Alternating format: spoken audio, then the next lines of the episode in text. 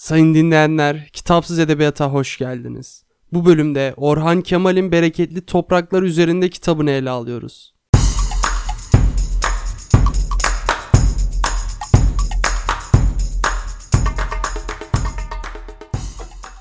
Kitabın üzerine konuşmaya başlamadan önce kitabın yazarı olan Orhan Kemal'den de bahsetmek gerekiyor. Çünkü kendisi Türk edebiyatına büyük katkılarda bulunmuş bir yazar kendinden sonra gelenleri de etkilemeyi başarmış fakat onun da etkilendiği bir isim var. Bu da büyük şair Nazım Hikmet. Orhan Kemal Nazım Hikmet'in kitaplarını okuduğu için hapse de düştüğü oluyor. Fakat hayatın cilvesi mi denir artık şans mı denir bilmiyorum orası sizin takdirinize kalsın. Hapis arkadaşı Nazım Hikmet oluyor ve Nazım Hikmet ona birçok konuda da öne oluyor aslında. Orhan Kemal gençliğinde şiire meraklıyken Nazım Hikmet onu düz yazıya yönlendiriyor.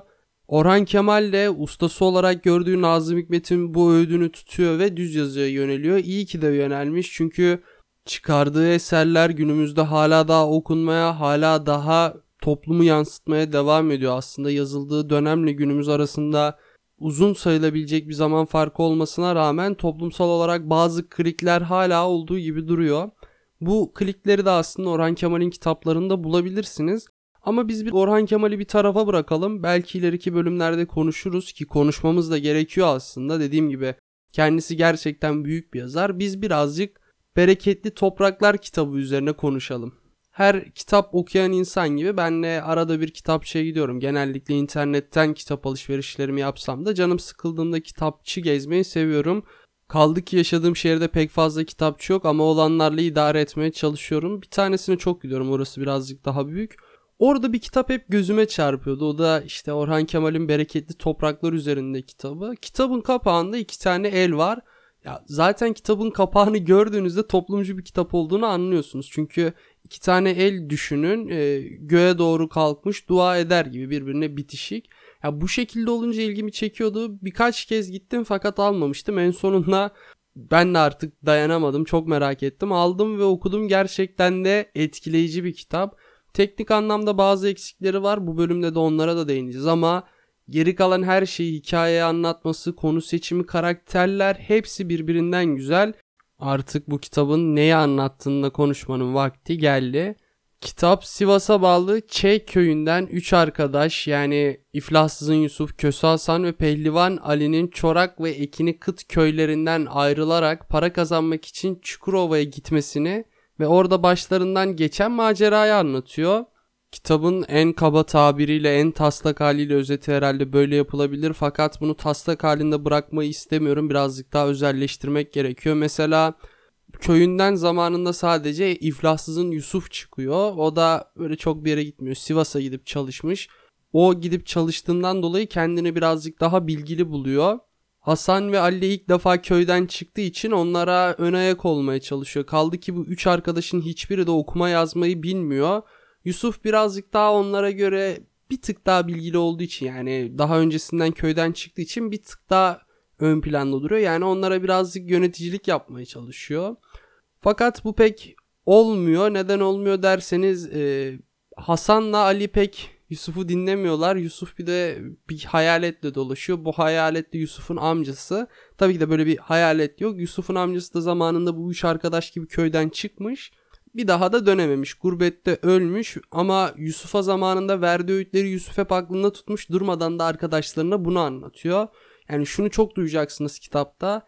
Emmim derdi ki şehirliler şöyle, şehirliler böyle şeklinde pek çok direktif okuyacaksınız. Yusuf bunlara sonuna kadar bağlı kalıyor ama dediğim gibi Hasan'la Ali bunları pek dinlemiyor. Bu üç arkadaşın tek bir ortak amacı var. O da Çukurova'ya gidip para kazanıp köylerine dönmek. Kitapta aktarıldığına göre bu arkadaşların yaşadığı köy yani Ç köyü verimsiz ve çorak bir araziye sahip. İnsanlar da ne yapacak? Mecbur bir yerlere gidip çalışması lazım. Kaldı ki bu dönemde yani Orhan Kemal'in bu kitabı yazdığı dönemde köyden şehire göç olgusu kitaplar da her zaman yer bulmuş. Çünkü o zamanların Türkiye'si bir değişimin içinde Türkiye. Artık şehirde yaşayan insanların oranı artıyor. Köyler boşalmaya başlıyor. Çünkü iş kıtlığı başlıyor ve aslında sanayileşme arttıkça işçiye ihtiyaç duyuluyor. Bu işçi de nerede var? O zamanlarda zaten Türkiye'de yaşayan insanların salt çoğunluğu köylerde yaşadığı için şehire göç başlıyor ve aslında şehirlerde uzun zamandan beri oturmuş anneanneler de değişmeye başlıyor. Kitabın başında iç burkan bir bölüm var fakat daha sonrasında bu üç arkadaşın başından geçen maceraları okuyacaksınız. Çukurova'daki hayatı okuyacaksınız. Oradaki zorlukları okuyacaksınız. Kitabın sonu ise gerçekten iç burkan bir sahneyle bitiyor.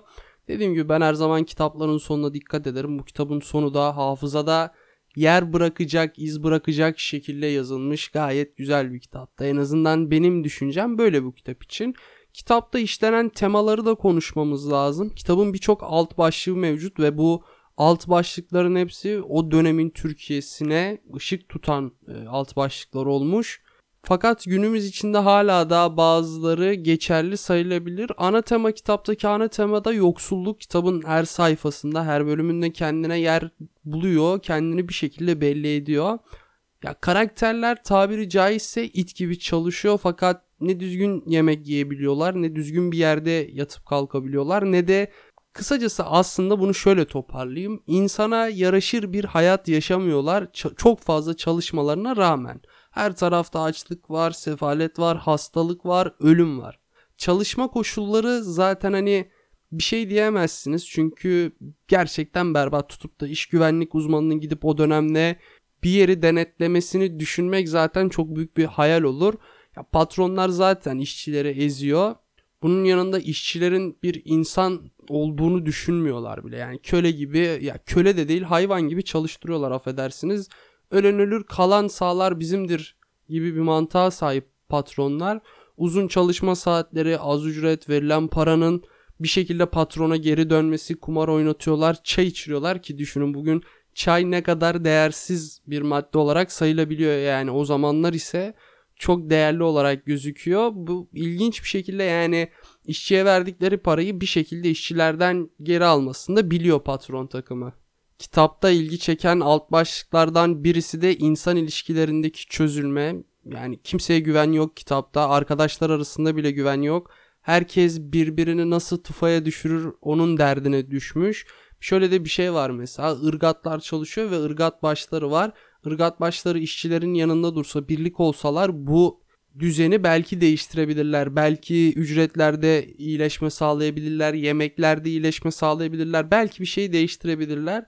Fakat ırgatlar patronlara yalakalık yapmak için işçilere köpek gibi davranıyor. İkisi de mesela parayla çalışıyor. Elbette ki ırgat başı daha fazla para alıyor işçiye göre. Ama ırgat başı işçiyi tutacağı yerde işçiyi ezmeye bakıyor. Çünkü patronun gözüne girme derdinde. Bu kitapta insan ilişkilerinin çürümesini en iyi görebileceğiniz yer kadın erkek ilişkileri. Çünkü kadınla erkek arasında bu kitap özelinde konuşuyorum en azından. Hiçbir türlü bir sadakat yok, hiçbir türlü sevgi yok, hiçbir türlü güven yok. Tamamen cinsel hazla dayanan bir ilişki var. Bu çok güzel göz önüne serilmiş. Zaten genellikle böyle durumlar eğitim seviyesinin düşük olduğu, yaşam standartlarının düşük olduğu yerlerde olur. Orhan Kemal de bunu gayet iyi bir şekilde yansıtmış. Yavaş yavaş da bölümü toparlayacak olursam daha önce hiç Orhan Kemal okumadıysanız bu kitapla başlayabilirsiniz. Kitabın dili çok sade, kesinlikle yormuyor. Birazcık kalın bir kitap olmasına rağmen 3 gün gibi bir sürede bitebiliyor. Dediğim gibi kitap akıcı.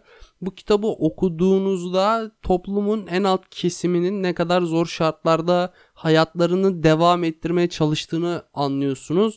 O zamanlar evet insanlar çok zor şartlarda yaşıyormuş. 2021 yılındayız. Bu değişti mi? Bu da size kalsın. Bu bölümlükte benden bu kadar. Haftaya görüşmek üzere. Kendinize iyi bakın.